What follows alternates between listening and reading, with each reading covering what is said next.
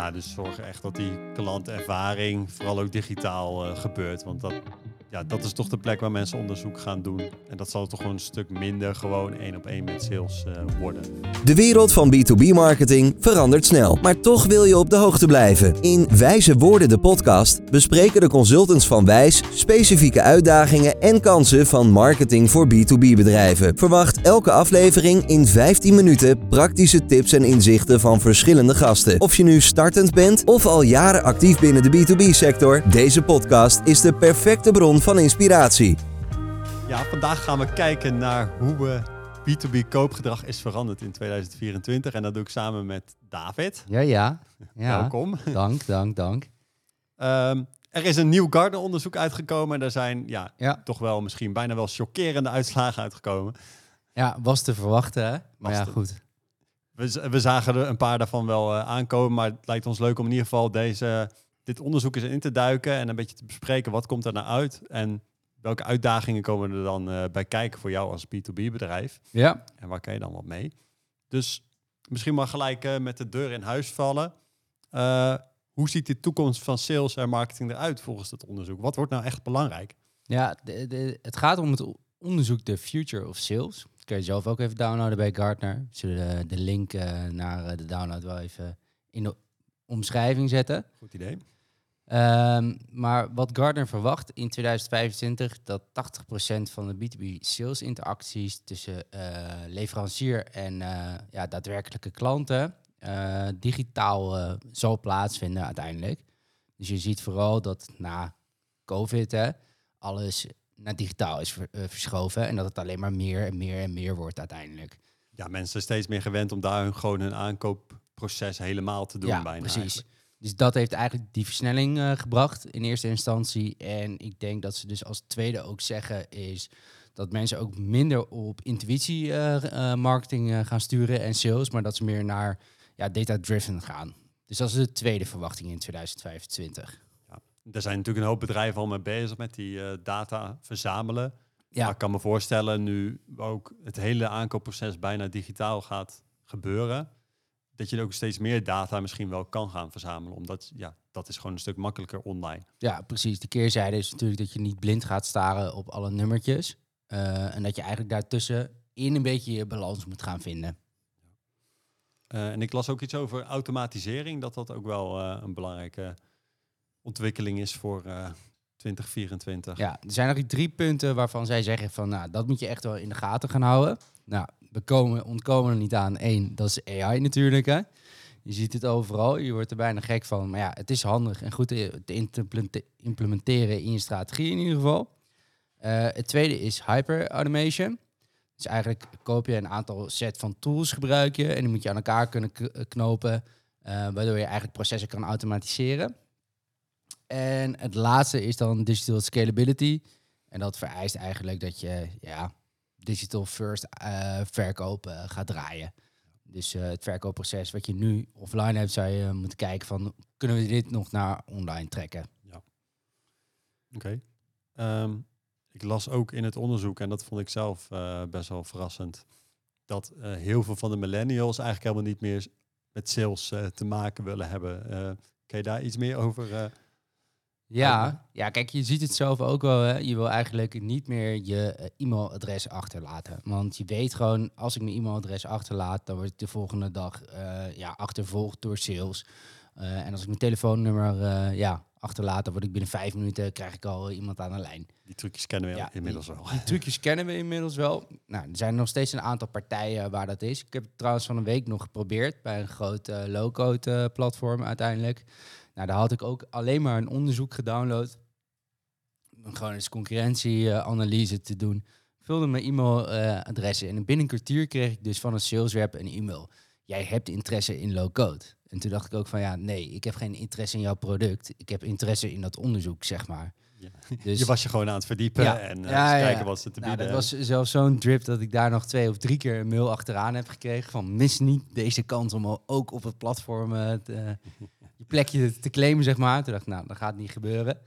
Maar ja, om even terug te komen. Wat we zagen vorig jaar is inderdaad dat ehm, eh, in het onderzoek van Gardner, want dit is ook in 2023 uitgevoerd, dat 40% van de millennials eigenlijk niet meer in contact wil komen met iemand van sales. Maar eigenlijk eerst zelf onderzoek wil gaan doen, vergelijking wil gaan doen. En daarna pas eh, aankloppen als hij of zij er echt klaar voor is. Dus het inplannen van een demo of dat soort dingen uiteindelijk. Ja, dit jaar is dat alweer verschoven naar 44% van de millennials. Dus dat is eigenlijk al ja, 4% meer. Het is al best wel groot. Hè? Het onderzoek is wereldwijd uh, gedaan uiteindelijk. Dus uh, het neemt toe en toe uiteindelijk. Ja, het zijn toch de millennials die ook steeds vaker natuurlijk in dat stoeltje zitten uh, van inkopen. Dus ja. zij zijn het straks die jouw B2B-producten gaan kopen. En als jij dan nog steeds volledig helemaal op sales bent gericht, zeg maar, met gewoon salesmensen en bellen en zo'n e-mail drip inderdaad, dan weet je eigenlijk al, die, die, die groep ga je een stuk minder goed aanspreken straks. Ja, precies. Dus daar moet je ook een beetje dan de gulden middenweg in vinden, denk ik. Ja, ja het is natuurlijk nog steeds 40%, dus niet iedereen. En ze willen misschien zeker wel met sales praten, alleen dan op andere momenten, misschien pas veel later in het proces bijvoorbeeld. Ja, veel later in het proces. En ik denk ook wel dat je wat je nu heel erg ziet, hè, en dat staat ook in het, uh, uh, in het onderzoek, dat mensen. Uh, we zitten als B2B-bedrijf, zitten we veelal op B2C-platformen. Nou, daar moeten we dan ook gebruik van maken, dat we eigenlijk om die channel, die buyer experience, zo goed mogelijk aanbieden. Dat iedereen overal een beetje informatie bij elkaar kan rapen.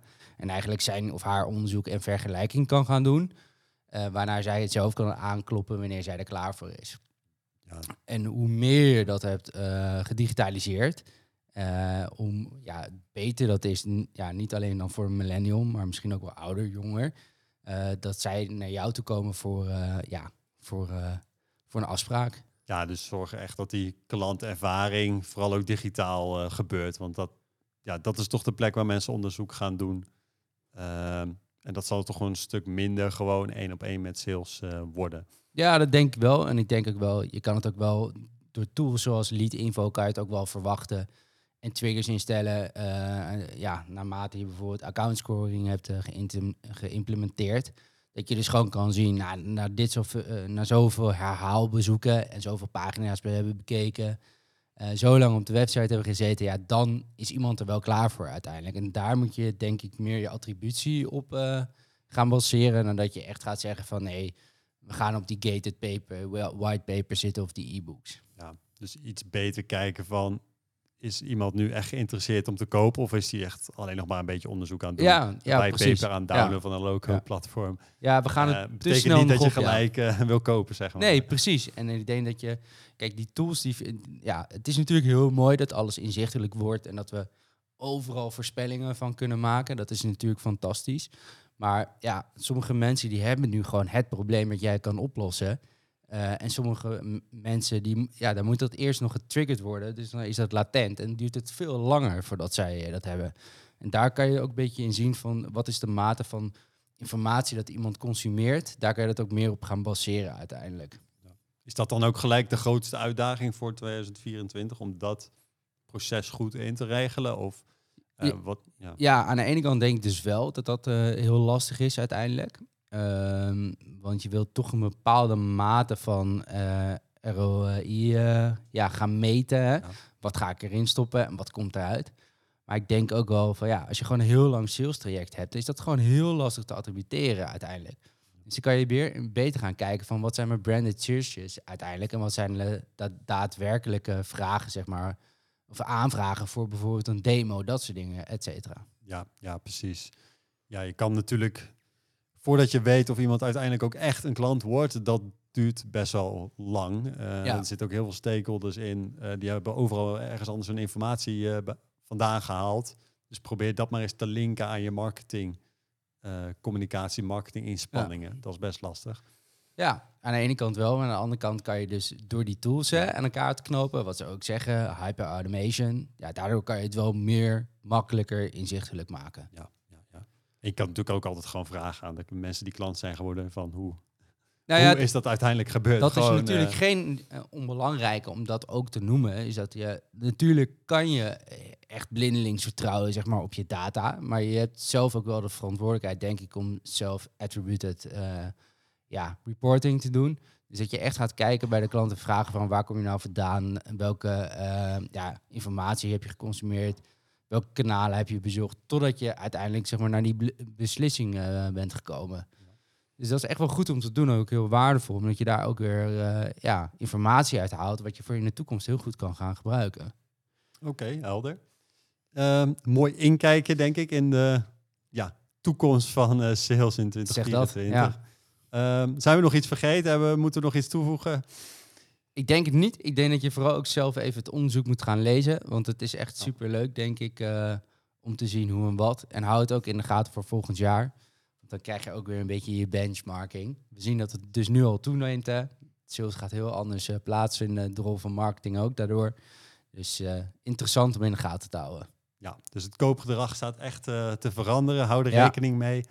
Um, nou ja, wil je hier nog meer over horen, dan uh, volg ons zeker onze andere podcast. Ga eens ook luisteren, daar nog veel meer informatie. En voor nu gaan we deze afsluiten. Ja, en luister hem onder de douche.